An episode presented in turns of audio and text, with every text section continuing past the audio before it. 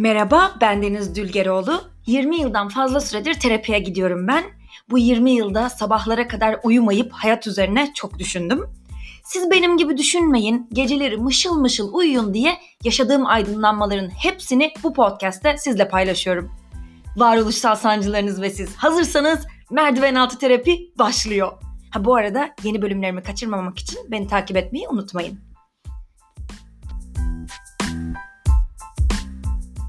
Hello, merdiven altı terapinin 52. bölümüne hoş geldiniz. Nasılsınız?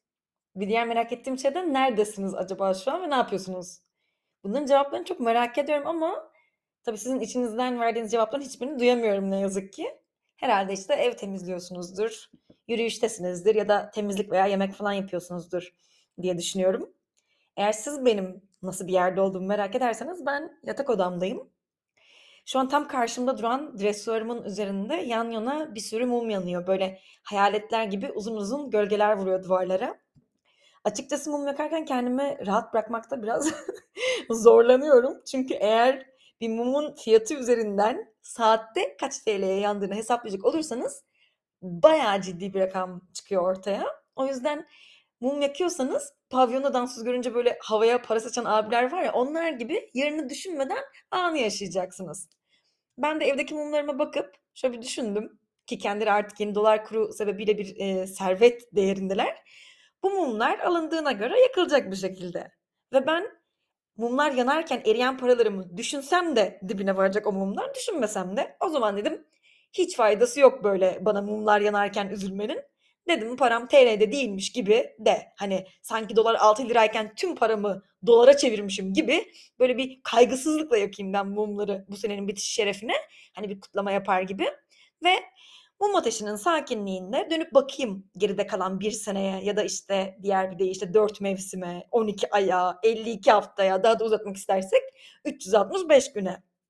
Ve bu kararı aldıktan sonra yatağıma oturdum, kayıt düzenimi kurdum Mumlarımı yaktım bu dediğimi yapmak için.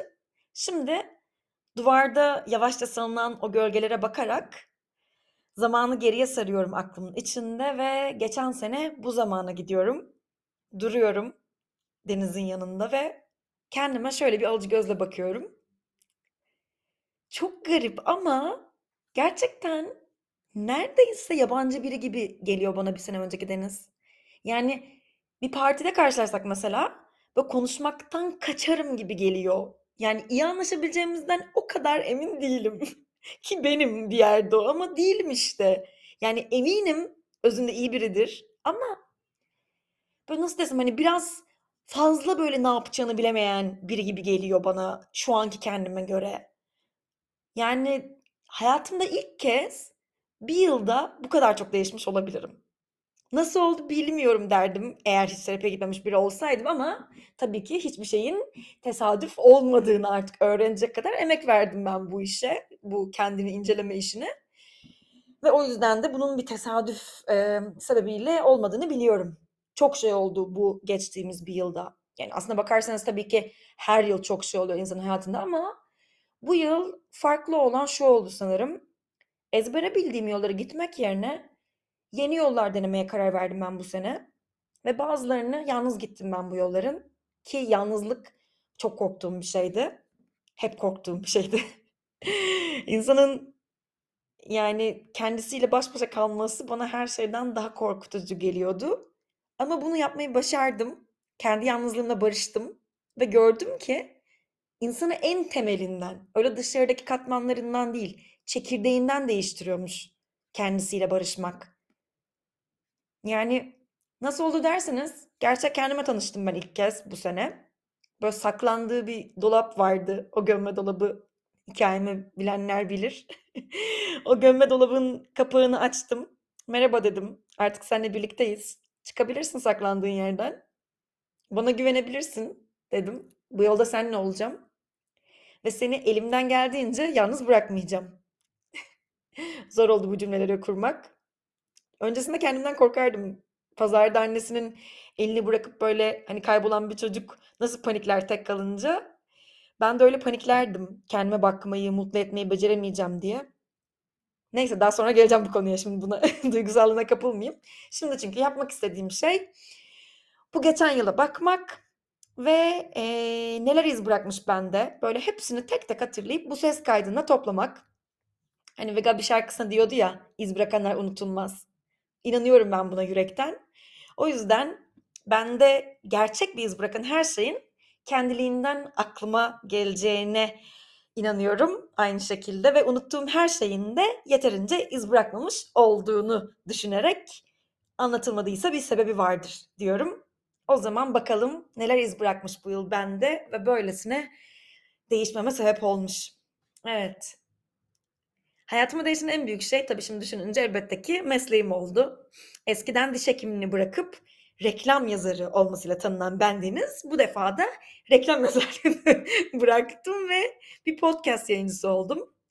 Ee, hikayemi zaten bilenlerin ezbere bildiği üzere kafamın birazcık güzel, ruhumun bayağı ağır bir depresyonda olduğu bir gece yatağımda yorganın altında kaydederek başladığım bu podcast'in e, yegane amacı hikayeler anlatarak kendimi oyalamaktı. Ve dünyadaki varlığımı insanlara ve en başına tabii ki kendime hatırlatmaktı. Ama böyle kendimi oyalayayım diye başladığım bu podcast bir şekilde kulaktan kulağa yayıldı. Yayıldıkça sevildi. Sevildikçe de haliyle büyüdü. Ve bir baktım ki bu podcast benim işim olmuş. Yani çok korkutucu. Aslına bakarsanız insanın bir ofisi, işte düzenli yatan bir maaşı ya da taksici ne iş yapıyorsun abla dediğinde hani tek kelimede böyle şlaks diye söyleyebileceği bir mesleğinin olmaması. Yani yarının hiçbir garantisi yok. Düzenli yatan bir maaşın falan yok. Tabii ki bir yandan şahane bir özgürlük hissi veriyor bu bana ama bir yandan bilinmezlikten kaynaklanan bir korku da salıyor bu insanın içine. Ama ben korkmayı hiç sevmiyorum. O yüzden yolun başında kendime söz verdim ben. Deniz dedim. Daha öncekileri nasıl becerdiysen bu işi de nasıl olacak bilmiyorum tabii ki ama bir şekilde çözüp kavrayacaksın, becereceksin ve her zamanki gibi yolunu bulacaksın diye. Ve şu an bana inanır mısınız bilmiyorum ama tüm samimiyetiyle söylüyorum size. İçimde hiçbir korku yok. Yani yanlış anlamayın. Önümü net gördüğümden falan böyle planlar yaptığımdan, işte stratejimi çok iyi bildiğimden değil. Sadece ve sadece kendime güvendiğimden. Yani insanın kendine güvenebilmesi harika bir şey çünkü sizden başka hiç kimse yani anneniz, babanız, çok sevdiğiniz ya da sizi çok seven artık kimse onlar hiçbiri ölene kadar sizin yanınızda olmayacak. Bir tek siz olacaksınız.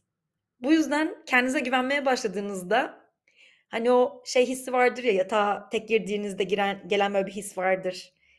Yani o his çok değişiyor. Aynı şekilde hani böyle duşa tek başınıza girdiğinizde, düşüncelerinizde kaldığınızda gelen o his. O çok değişiyor işte. Eskiden korku ve endişe duyduğumu, bir de kendimi acıdığımı hatırlıyorum mesela ben bu kendi kendime kaldığım anlarda. Ama şimdi böyle bazen herkes gitsin de kendi kendime kalayım istiyorum. Mesela şu anda huzur doluyum. Böyle sadece mum ışığıyla aydınlatılmış bir odada düşüncelerimi bu ses kaydına akıtıyor olmak o kadar güzel geliyor ki bana. Kimseye uyum sağlamaya çalışmadan, olduğun kişi için özür dilemeden, böyle seni mutlu eden şekilde kendin olmak bence bir insanın sahip olabileceği en büyük özgürlük. Hakikaten, hakikaten bunun böyle olduğunu düşünüyorum. Hiçbir para, hiçbir ünvan, hiçbir aşk beni kendimden vazgeçmeye ikna edemez. Yani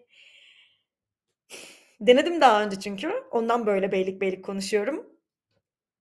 Bir tane yutkunacağım, bir duygulandım. Evet. Ben Deniz Dülgeroğlu 2021 yılında içinden geçen her şeyi özgürce konuşan bir podcast yayıncısı oldum ve bunun ruhumda bıraktığı izden çok ama çok mutluyum. Küçük duygusalara. Başka ne oldu derseniz ee, baharda şey vardı tatile gittim onu anlatayım. Birkaç günlüğüne diye gittiğim e, bir tatil vardı bahar ayında çıktığım. E, güneyde bir yere gittim tam kapanma başladı tam ben tatile gittiğim sırada ve biraz böyle kaotik bir olaylar zinciri sonucunda ben o kapanmaya tek başıma o güney e, beldesine girdim ve daha önce hiç kendi kendime tatil yapmamıştım. Yani kendi kendine tatil lafı bile böyle üç kelimelik bir gerilim filmi senaryosu gibi geliyordu kulağıma. Ama bu tatilde kendi kendime kaldıkça gördüm ki bir kere yalnız olduğunda hiç kimse uyum sağlamak zorunda değilsin ve kendin ne saatte ne istersen onu yapabiliyorsun hiç ödün vermeden. Yani mesela kitap okurken kimse bölmüyor. İşte kahvaltı için başkalarına göre uyanma derdi olmuyor erkendi geçti diye ya da akşam yemeğine nereye gitsek tartışması falan yarım saat sürmüyor. Bunların yani en azından birini yaşamışsınızdır en az bir kez diye düşünüyorum. Ve o yüzden ben fark ettim ki paşa gönlünle baş başa kalmak muhteşem bir şeymiş. Ve bir kere tadını alınca bırakamadım. Ve kapanmayla başlayan bu tatilim benim uzadıkça uzadı. Normalde başkalarıyla yaptığım birçok şeyi de dolayısıyla kendi kendime yapmaya başladım. Ama ee, daha da önemlisi kendimi kötü hissettiğim anların hepsinde yanımda hiç kimse yoktu ve sadece kendimleydim. Bunu neden belirtiyorum? Çünkü ben bu sayede kendi kendimi teselli etmeyi öğrendim. Hani anneler böyle zamanla anlamaya başlar ya hani ağlayarak uyanan bebeğini fışfışlaması mı lazım, yemek mi yedirmesi lazım, işte yoksa altını mı değiştirmesi lazım neyse artık. İşte ben de neden kendimi kötü hissediyorum, neye ihtiyacım var, ne yapınca bana iyi geliyor ya da işte ne yapınca daha da kötü geliyor bunları anlamaya başladım. Mesela örnek verecek olursam daha önce tek başıma yürüyüş yapmak hayatım boyunca böyle denemediğim ve kendi kendime baş başa kalmak anlamına geldiği için de korktuğum bir şeydi. Ama bu tatilde fark ettim ki e, beni bayağı rahatlatıyormuş aslında tek başıma yürümek ve dolayısıyla her gün yaptığım bir aktiviteye dönüştü. Hatta böyle şeyi de fark ettim. Yeni bir proje için mesela fikir ararken eskiden masa başında oturarak arardım. Şimdi yürürken düşünüyorum ve yürürken çok çok daha iyi fikir bulabildiğimi fark ettim. Sonra işte müzik dinleyerek mesela uyuyakalmayı, gece balkonda oturup işte böyle viski içerek telefonda konuşmayı ya da güneşin altında elektronik müzik dinleyerek kitap okumayı çok sevdiğimi fark ettim. Bunların hiçbirini bilmiyordum kendimle ilgili. Yani özetleyecek olursam işte kendime bir çocuk bakar gibi bakıp mutlu etmeyi öğrendim ve bu yeni tanıştığım kendim çok iz bıraktı bende. Yani yolum nereye giderse gitsin hep yanımda bundan böyle o kişi. Başka başka ne anlatacaksın derseniz ki dersiniz. Şeyi anlatayım. Başkalarının ürettiklerini not almıştım. Onlar da olsun sıra. Artık bir yere bağlı çalışmadığım için çok okudum. İşte çok dinledim ve izledim bu sene. Hepsini anlatmaya kalksam tabii ki sabaha kadar sürer bu podcast ama hani bazılarını seçerek böyle ben de en çok iz bırakanları şu an paylaşmak istiyorum sizle ki sizin de bunu istediğinizi biliyorum. Ee, okuduklarımdan başlayayım kütüphanemi dolaştım bu kararı alabilmek için. Çok güzel kitaplar okumuşum. Böyle beni çok düşündüren, duygulandıran. Ama eğer iz bırakmak diyorsak beni değiştirmiş ve dönüştürmüş olmalı bir şekilde. Hani nasıl ki çocukluktan kalma bir yaranın dikiş izi duruyorsa hala teninizde öyle bir izi kalmış olmalı ruhunuzda. Ve öyle bakınca hemen fark ettim. Bülent Somay kitapları değiştirmiş bende bir şeyleri. Bir şeyler eksik diye bir kitabı var. Onu da başlamıştım. Bazı sözleri beni çok kızdırdı bu kitabı okurken. Böyle bir öfke uyandırdı içimde. Ama sonra düşündüm. Ee, çünkü şey oluyor. Ben böyle bazen insanların reddetmek, böyle unutmak istediği bazı gerçekleri söylediğimde bana çok öfkeleniyorlar. Çünkü öyledir hani insanlar kilo aldıklarında mesela göbekleri çıkarsa göbeklerini saklamakla unutmak isterler. Ama size göbeğin var mı diye sorduklarında hani onları siz aslında üzmek istemiyorsunuzdur tabii ki sadece gerçeği söylemek adına da olsa evet dersiniz. Eğer böyle bir şey yaparsanız bu onları çok güzel ve üzüntüyle başa çıkmak için de üzüntüyü öfkeye çevirirler. Çünkü üzüntü baş etmesi zor bir duygudur. Ve e, bütün bu felaket duygulara sebep olduğunuz için de bu öfkeyi de size yönlendirirler. İşte bu yüzden e, Bülent Somay bende öfke uyandırdığında anladım ki suçlu o değil. O sadece bazı acımasız gerçekleri soğukkanlıkla söyleyen bir insan. Aşk ve seks hakkında çıplak gerçekleri konuştuğu için muhtemelen böyle kimsenin yaz tatilinde hani güneşlenirken şezlongda okuyacağı türden değil kitapları. Ama şöyle diyeyim, eğer soğuk bir duşa hazırsanız kütüphanenize eklemenizi tavsiye ederim. evet. Ben e, ne kadar acımasız olursa olsun yani gerçekleri söylemekten yanayım hep ve gerçekleri aynı şekilde kendim de bilmekten yanayım. Çünkü bence aksine hani eğer masalları ve Hollywood e, romantik komedilerinin gerçek olduğuna inanarak büyürseniz canınız sonradan acıyor. Çünkü gerçek hayatta çoğu hikaye mutlu sonuna bitmiyor. O filmlerde izlediğiniz ya da masallarda dinlediğiniz gibi. Aslına bakarsanız sonlar genelde hüzünlü ve hatta acı dolu oluyor zaman zaman. Mutluluk yolda giderken yaşanıyor aslında. Hep sonların mutlu olacağına inanıyoruz ama Ben bunu aşırı güzel ama başyapıt seviyesinde iyi anlatan bir şey izledim. Tam da bu podcast'ın başına oturmadan önce. Başyapıt kelimesini hayatımda kaç eser için kullandım bilmiyorum ama tekrar ediyorum. Bence bir başyapıttı. Scenes from a Marriage. Yani Türkçesiyle bir evlilikten sahneler. Ee, Ingmar Bergman tarafından 1973 yılında havalı bir şekilde telaffuz etmedim ismini. İsveç televizyonu için yapılmış aslında ilk kez. Ama günümüze uyarlanmış bir mini dizi olarak.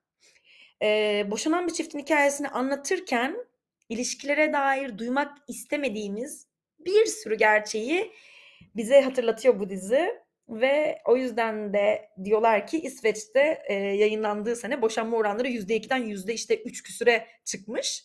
Yani tabii ki bu dizi yüzünden mi orası tartışılır ama yani şu kesin ki e, ilişkilere çok farklı bir gözle bakmanızı sağlıyor. Bence izlenmesi hatta okullarda müfredata eklenmesi gereken bir eser. Çünkü çocuklara kimse ilişkilerde çoğu zaman başarısız olacaklarını ve aslında bunun normal olduğunu söylemiyor. Bu yüzden herkes bir an önce böyle evleneyim işte ilişkilerde başarılı olduğumu ispatlayayım derdine düşüyor ve sonrasında da ilişkilerde böyle bir şeyler yürümemeye başladığında bu bir başarısızlık gibi e, kodlandığı için kafamızda ayrılmamak için herkes elinden geleni yapıyor. Hani sırf insanlar işte ilişkisi yürümedi demesinler diye onun hakkında.